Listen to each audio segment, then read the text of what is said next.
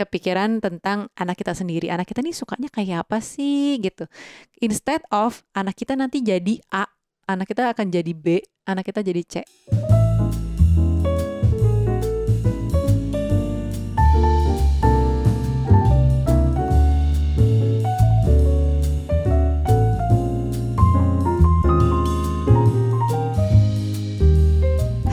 Bapak. Hai Ibu. Selamat datang teman-teman di podcast Curhat Bapak dan Ibu. Hey, untuk mendengarkan podcast ini, kalian bisa dengar juga dulu podcast sebelumnya yang kita ngomongin surat dari pembaca, email dari pembaca yang ngobrolin tentang orang tuanya.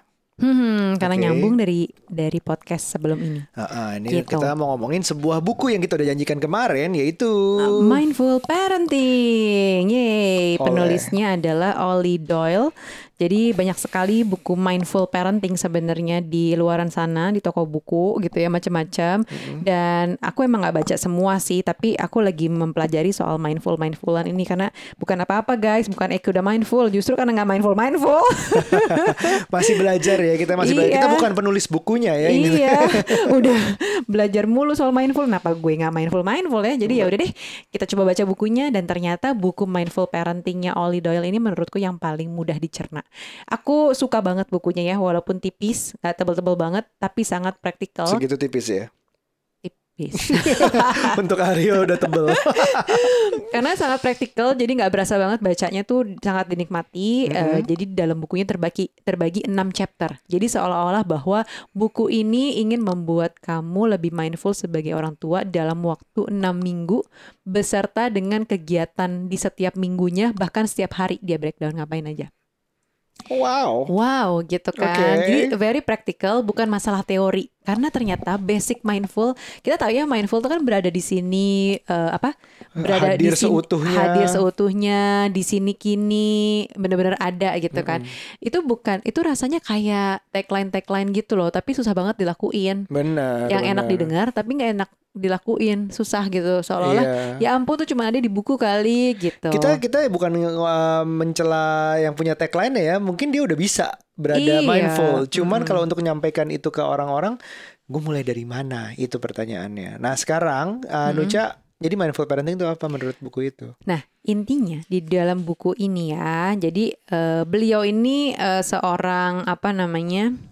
eh eh, mindful mindfulan ya main, apa sih mindful mindfulan ini gue dimarahin deh kayaknya kalau jawab kayak gitu dia penulis buku banyak Ah. banget seri soal mindfulness jadi Terus? dari mindful mindfulness for life eh, mindfulness relationship sama mindfulness at work jadi bener-bener mindful nih orang kayaknya ya Iya. intinya yang aku baca nih soal eh, parenting aja ya jadi intinya gini kita nih sebagai orang tua aku tuh banyak banget tersentil di buku ini Oke. jadi menurut dia eh, kita sebagai orang tua sebaiknya tuh stop projecting eh, eh, into that imagine future. Jadi kita selalu aja eh, memikirkan masa depan. Kayak anak baru lahir, kita udah mikirin mau sekolah di mana ya anak kita ya nanti ya. Kita ged- nanti gedenya jadi kayak apa ya. Yang kita pikirin tuh soal nanti mulu. belum lahir aja udah ada nama. Iya, itu aja udah kayak kita nanti kita kan. ngomongin nama gitu di sebelum Mm, lahir. Kayak kita udah udah selalu mempersiapkan ini dan itu. Bukan yang nggak boleh, bukan yang nggak baik. Tapi once anak itu sudah hadir gitu ya, sebaiknya kita benar-benar menikmati masa-masa yang ada tanpa berpikir ke masa depan. Aku nggak bilang eh, bahwa mindful ini harus banget diikutin, ya enggak ya. Tapi sebagian besar iya, terutama yang ada aktivitasnya. Kayak misalnya gini, eh, lah emangnya nggak boleh kalau kita nyiapin dana, Dana pendidikan, pendidikan. anak, Nah. masa kita harus berada di sini mikirin yang sekarang aja nggak boleh nyiapin yang di depan gitu buat dana pendidikan kan nggak bisa tiba-tiba tercipta ting duitnya kekumpul gitu kan ya enggak jadi memang ada hal-hal kalau menurut buku ini boleh lo mikirin hal-hal di masa depan tapi please kembali lagi ke sini gitu jadi Hmm. eh, once kita mikirin dana pendidikan wah kalau dia sekolahnya di sekolah A yang dana yang dibutuhin segini oke ya udah kita balik lagi kepikiran tentang anak kita sendiri. Anak kita nih sukanya kayak apa sih gitu. Instead of anak kita nanti jadi A, anak kita akan jadi B, anak kita jadi C gitu. Hmm. Jadi di buku ini mengingatkan bahwa dari kata-kata kita aja kita sering banget memproyeksikan sesuatu yang belum terjadi itu di masa depan. Kayak nih misalnya bab kita sendiri nih suka ngomong kan sama Aira, Mas Yua gitu. Ayo ayo ayo berbagi berbagi. Nanti kalau nggak berbagi nggak punya temen. Emang nanti gitu kita ngomong? ya nggak kayak gitu ngomongnya Oh, oke. sih ini contoh ya guys gue nggak Iya, gitu iya. kok kalau ngomong sama anak cuman Oke, kayak oke, oke, oke. eh, apa namanya kalau kamu nggak gini nanti kamu nih kalau di sekolah nanti dibenci deh sama teman-teman lainnya misalnya kayak gitu itu kan nanti kita menggunakan kata nanti aja itu udah Oh. future itu tuh belum tentu terjadi belum tentu akan kejadian So kenapa how- sih kita harus selalu selalu menggunakan future tense mulu gitu So how do you rephrase it better? Harusnya gimana ngomongnya? Misalnya yang tadi menurutmu? eh ya ya sebenarnya konsisten eh bukan konsisten ya objektif pada apa yang dilakukan si anak di situ gitu apa yang terjadi Hmm. kalau dia tidak berbagi Mm-mm. tapi di sini nih konteksnya nih Sebab- bukan kayak Bukan kayak oke, di masa oke. depan Misalnya, gitu. misalnya kalau kamu lari-lari, kamu bisa jatuh gitu. Ya Seperti itu. masih masih masih oke lah Masih kayak oke, gitu karena jatuh kan bisa saat itu juga di saat Di dia lari itu juga, kan. Ha-ha. ah. Jadi sebenarnya tugas kita sebagai orang tua tuh just to be present untuk menikmati saat itu gitu katanya. Karena the future is not our business sebenarnya.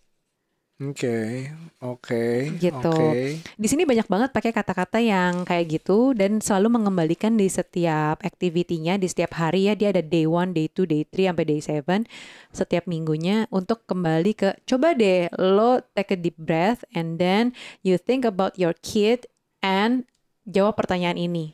Dia kasih beberapa list pertanyaan sambil lo diam, bernafas dan merem. Bayangkan gitu. Jadi kayak seolah-olah oh iya ya sebenarnya gue tuh pengennya anak gue begini atau sebenarnya yang gue udah syukurin saat ini adalah yang ini gitu. Jadi bener-bener mengembalikan pada konsep hidup sederhana, nikmatin yang ada saat ini gitu. Bahkan yang paling paling eh, apa namanya yang paling aku ingat adalah gini akhirnya aku coba juga terapin ke Aira Shua pada saat lagi sama anak-anak atau misalnya sesibuk apa pun lo dengan kerjaan lo coba deh eh, sisihkan waktu 10-15 menit untuk main bener-bener ada tanpa handphone tanpa gadget dan lihat matanya anak lo gitu Iya, iya, iya. dan iya. apa yang lo rasain setelah main sama anak Dan itu memang dia menghargai sekali sih. Anak tuh kerasa banget gitu kayak kamu berkaca-kaca apa gimana sih nggak Enggak. Ya, baiklah. Emang emang nonton film tentang anak dulu. Em, jadi gini, aku tuh ngerasanya ya anak itu akan lebih nggak tahu ya. Ini mungkin nggak semua anak dan tentunya nggak setiap saat. Jadi di saat kita udah main, Hmm. mainnya full ya, mainnya bukan mindful maksudnya mainnya secara mindful. Hmm. Jadi eh, bener-bener hadir main yang aku paling susah tuh kalau setiap kali dia ngajakin main role play. Main bapak jadi sini dong, bapak jadi sini tapi setiap kali gue mau bergerak tuh salah mulu sama dia. Oke baik kita main yang lain yuk misalnya yang kita main bisa bareng Eh, main kartu anak-anak lagi main kartu. Kalau udah full kita ngikutin mau dia tanpa di stop buru-buru gitu, eh, bener-bener gak kepikiran yang lain hadir dengan dia kita ngobrol, kita ngeliat matanya, kita ketawa-tawa bareng segala macem. Nggak tahu ya feelingku aja abis itu minta dia ngapain pun lebih gampang. Iya iya sih. Jadi kayak kayak em, udah ya tidur yuk gitu. Kita tidur itu gak ada susah-susahnya. Oke, kalau menurut kamu, tapi itu kan lebih nih jawaban kamu artinya kamu lebih masih fokusin ke anaknya. Tapi ini efeknya di kamu, jadinya tuh seperti apa sih? Oke, Em, e- efeknya di aku ya abis ya pertama sih mungkin lebih ngerasa less guilty ya dalam bekerja bahwa aku sudah menghabiskan waktu sama anakku dan di aku udah tabung muka, tabung perhatian buat dia dan sekarang aku boleh away dulu sebentar dan itu dengan kerjanya lebih enak juga untuk itu.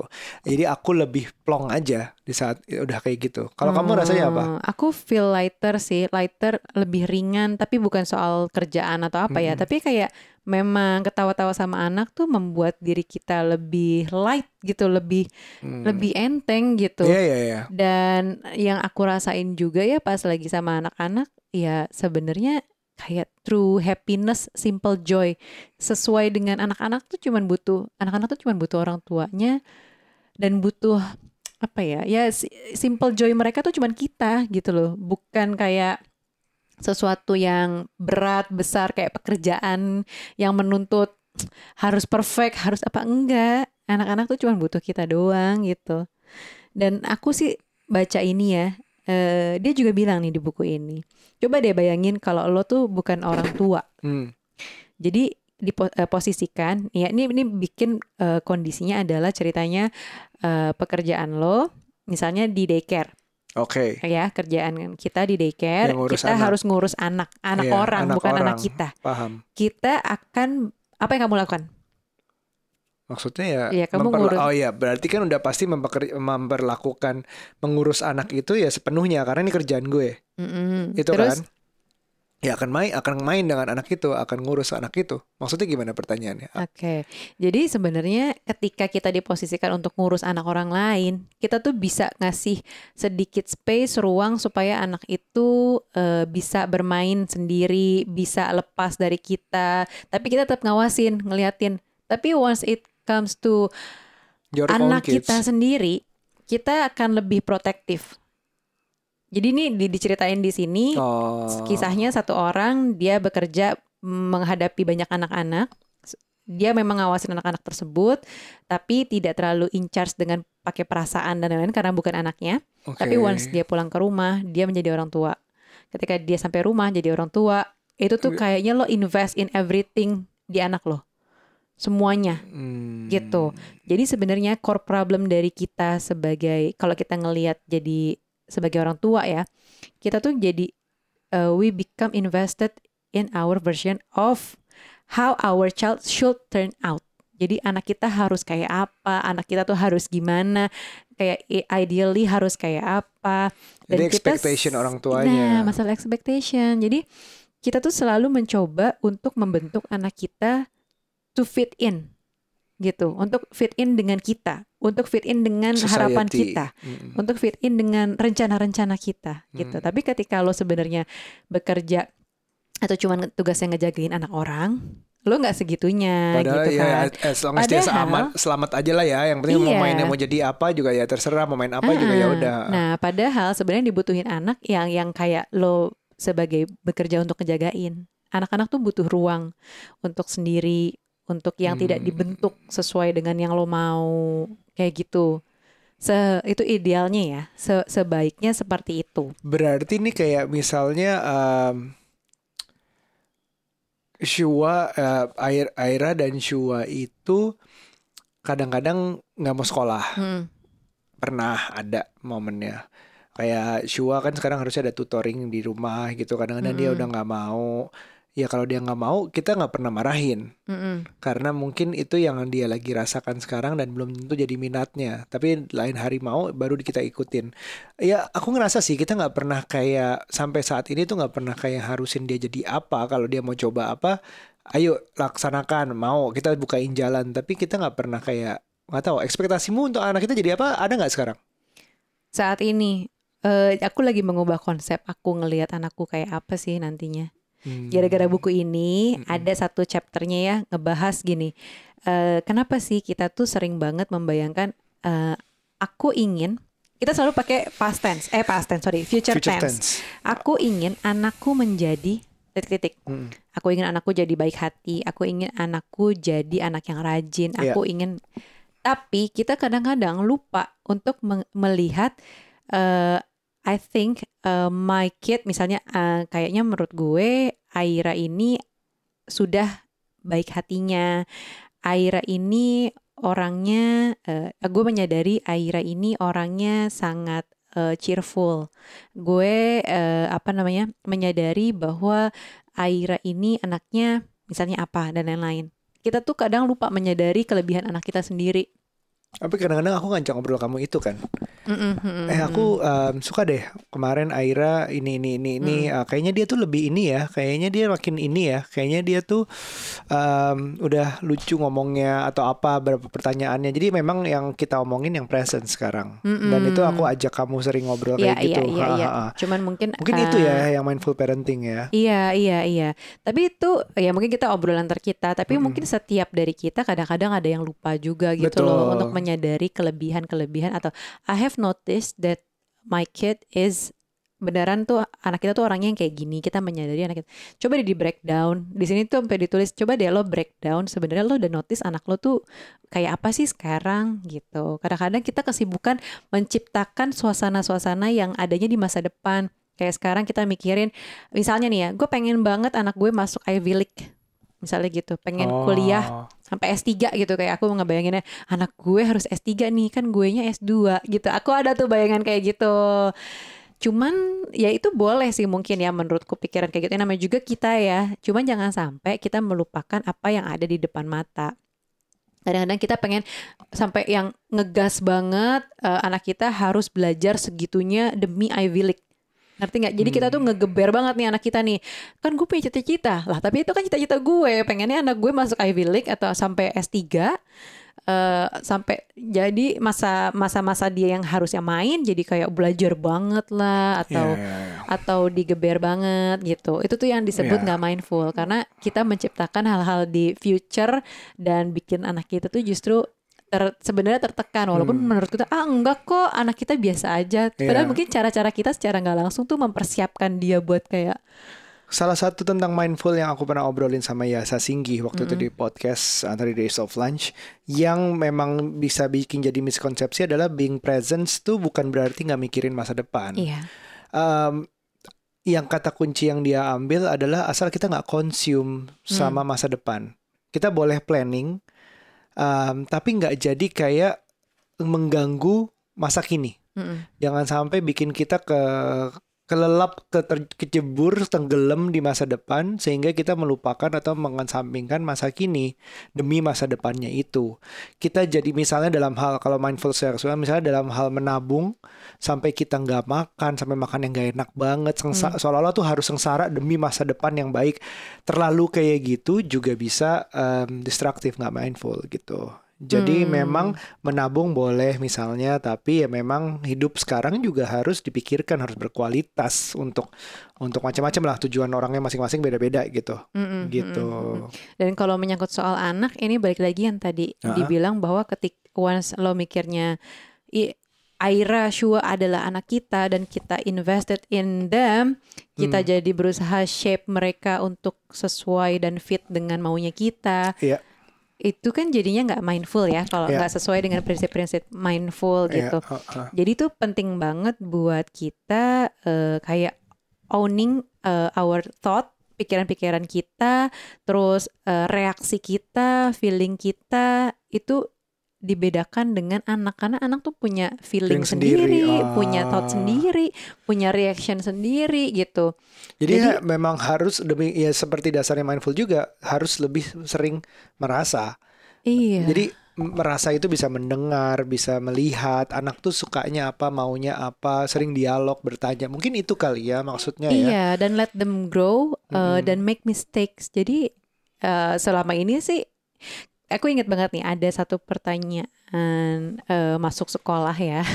Kebetulan Ay- Shua lagi kita tes di satu sekolah gitu, terus Iya. ada form apa namanya formulir masuknya.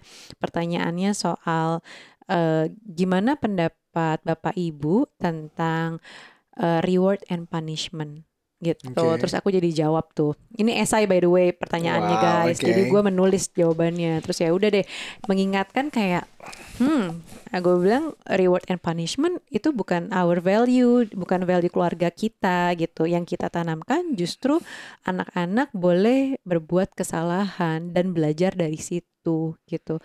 Masalah punishment punishment mungkin lebih erat kaitannya sama disiplin gitu kan seolah-olah kalau misalnya mau disiplin ya orang harus ada punishment biar dia takut Kalau- tidak melakukan hal yang serupa Eh, yang salah dulu misalnya grounded gitu. lah gitu. Ah, ah, Ah. kita tidak melakukan hal itu karena Atau belum mungkin? Mudah-mudahan enggak ya. mudah-mudahan belum ya. eh, mudah-mudahan belum, mudah-mudahan ya nanti-nanti lah. Hmm, Ja- iya. Mungkin kalau udah gede udah bingung kali. Iya udah bingung Tapi terpaksa kalau ya. sekarang masih lima tahun ada grounded gitu, kayaknya kita belum sampai situ sih. Mungkin level level apa namanya levelnya anak-anak ini belum sampai menyentuh batas kita untuk Iya ngasih sih. ngasih punishment grounded gitu belum so Kita far. Jadi kita masih menjaga anak-anak bukan dari kesalahan saat ini, menjaga Iya. anak-anak dari bahaya sih.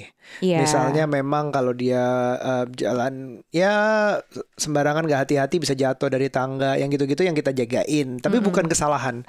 Jadi kita memang memang saat ini masih pengen anak-anak ya udah kalau kalau misalnya mainan gak diberesin Tuh kan. Kamu Iya. kemarin nggak beresin sekarang taruh di mana? Dia dia agak sedih tuh si Aira nangis nangis mainan di mana di mana? Makanya di mana taruh mana semalam? Aku taruh sini. Ya yakin. Akhirnya dia nyari nyari lagi dan dia ketemu. Jadi dia belajar. Itu itu kecil banget kelihatannya. Cuman abis itu dia senang ban eh, bukan senang ya. Dia mau untuk beresin mainan. Dan dia kita punya peraturan agak sekarang kalau misalnya mau main yang baru yang lama diberesin dulu ya kayak Iya, gitu kayak gitu dia lumayan mulai ya, jadi lumayan latihan. jadi latihan memang hal kecil tapi it works quite well sampai Hmm. sekarang gitu Ya, ya, ya. Dan terus ada juga nih part di buku ini yang kayak ngasih kita activity. eh, coba dong list down eh, apa namanya tentang anak lo. Apa sih yang yang seharusnya anak lo eh, sifat apa yang seharus seharusnya anak lo punya gitu kan? Jadi kadang-kadang kita suka tapi ekspektasi kita dong enggak Iya, iya. Oke, Jadinya tuh ah. kita tapi iya kan kita selalu Ya. punya ekspektasi kan anak kita Iya. seperti apa. Misalnya aku pernah itu lagi doa anakku nurut ah, kayak Ah, gitu. ah, Nah, ah. itu tuh tuh kan kayak di saat aku lagi kesel banget aduh semoga anak ini kenapa sih nggak bisa nurut aja nurut udah gitu itu Iya. ternyata Nah, jadi kalau di buku ini bilang ya, coba deh lo list down gitu ya, eh, apa namanya, eh, apa apa sih kata-kata eh, anak lo tuh should harus seperti apa? Ditulis di list down. Ada pilihan ini kayak di di buku ini ada kayak I want my kid eh, apa namanya? Namanya Liam sih. Liam should be kinder. Liam should be flexible. Eh, Liam eh, should have more fun gitu. Hmm, jadi dia list down, tapi sebenarnya boleh nggak sih di buku ini bilang lagi, lo tulisnya I should. Jadi sebenarnya tuh lo, jadi bukan hmm, anak lo gitu. jadi itu Karena sebenarnya ekspektasi lo ke diri lo sendiri yang tersembunyi gitu yang iya, atau lo lo harusnya bikin diri lo kayak gitu dulu biar anak lo kayak gitu. Kayak kamu Ah. pengennya Aira nurut, kamu udah nurut belum sih gitu? Udah Nurut, jadi orang yang ya, nurut ya, belum sih sama ya, orang tua lo? Kayak gitu gitu loh dibalik semua gitu. Belum. Oh iya juga ya. Terus gue mikir, iya juga ya. Gue tuh udah Ka- kamu pernah apa kamu pernah mengharapkan Aira apa nggak terlalu sih kayak atau Shua nggak sih kayaknya aku belum ada pikiran anakku kayak apa. Ya aku cuma selalu pengennya baik hati rendah hati gitu. Tapi ya terus sekarang kamu nanya gitu aku jadi balik. Ya aku harusnya menulis ya. Apakah aku sudah rendah hati Hati? sudah baik hati. Apakah aku sudah nah gitu. Jadi kadang-kadang kita banyak ekspektasi menanamkan ke anak-anak kita tapi kita Hmm. lupa kalau diri kita tuh harusnya lebih dulu kayak gitu gitu loh. Ah, ngerti gak sih guys? Ngerti, ini aku ngerti. bukan marah-marah loh. Aku ngomongnya nggak ngegas. Ngerti ngerti ngerti ngerti. Anggap aja kalau Nuca marah-marah tuh ke gue doang udah. Ini aku bukan marah-marah loh, aku lagi Iya, semangat iya, iya, aja. iya, iya, iya, iya.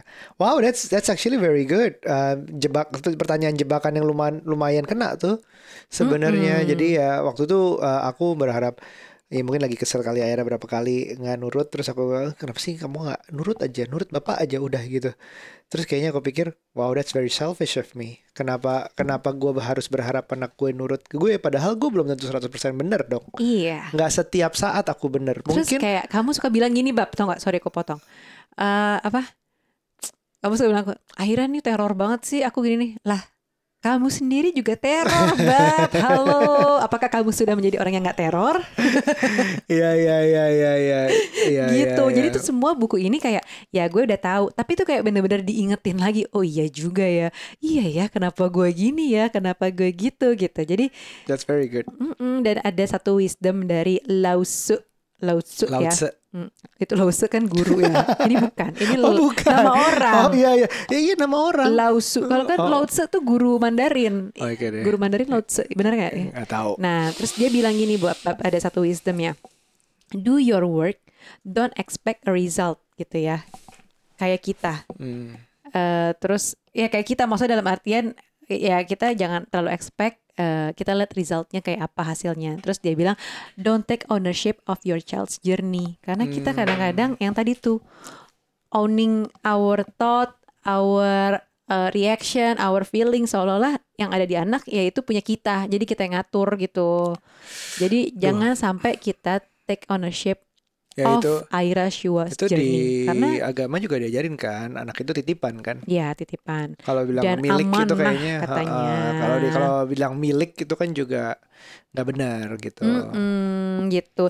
So our own mindfulness is the foundation. Jadi makanya kenapa buku ini di setiap chapternya banyak banget kayak nyuruh coba deh lo take a deep breath, lo merem, lo tarik nafas sambil membayangkan ini gitu. Jadi banyak banget seolah-olah karena menurutku uh, fondasi dasarnya adalah lo berada di sini ketika lo rutin um, meditasi menyen, bukan menyendiri ya, memberi jeda untuk diri lo dan lo ngobrol sama diri lo mm-hmm. untuk merasakan nafas doang. Itu tuh lo lebih tahu, lo lebih grounded sih di hari itu di situ tanpa otak lo ke mana-mana. Kayak nanti nanti nanti berapa tahun lagi, belasan tahun lagi gitu. Kayak ini tuh nyuruh kita untuk grounded hadir di sini sekarang. Gitu. Cak gitu ini masih menjadi PR ya guys buatku. Kayak misalnya di sini kita tuh punya tugas buat membantu anak-anak supaya uh, hidup lebih punya skill alias live skillfully. Gitu. Itu juga masih aku pelajarin. Terus uh, banyak banget deh hal-hal yang aku wow banget nih di buku ini.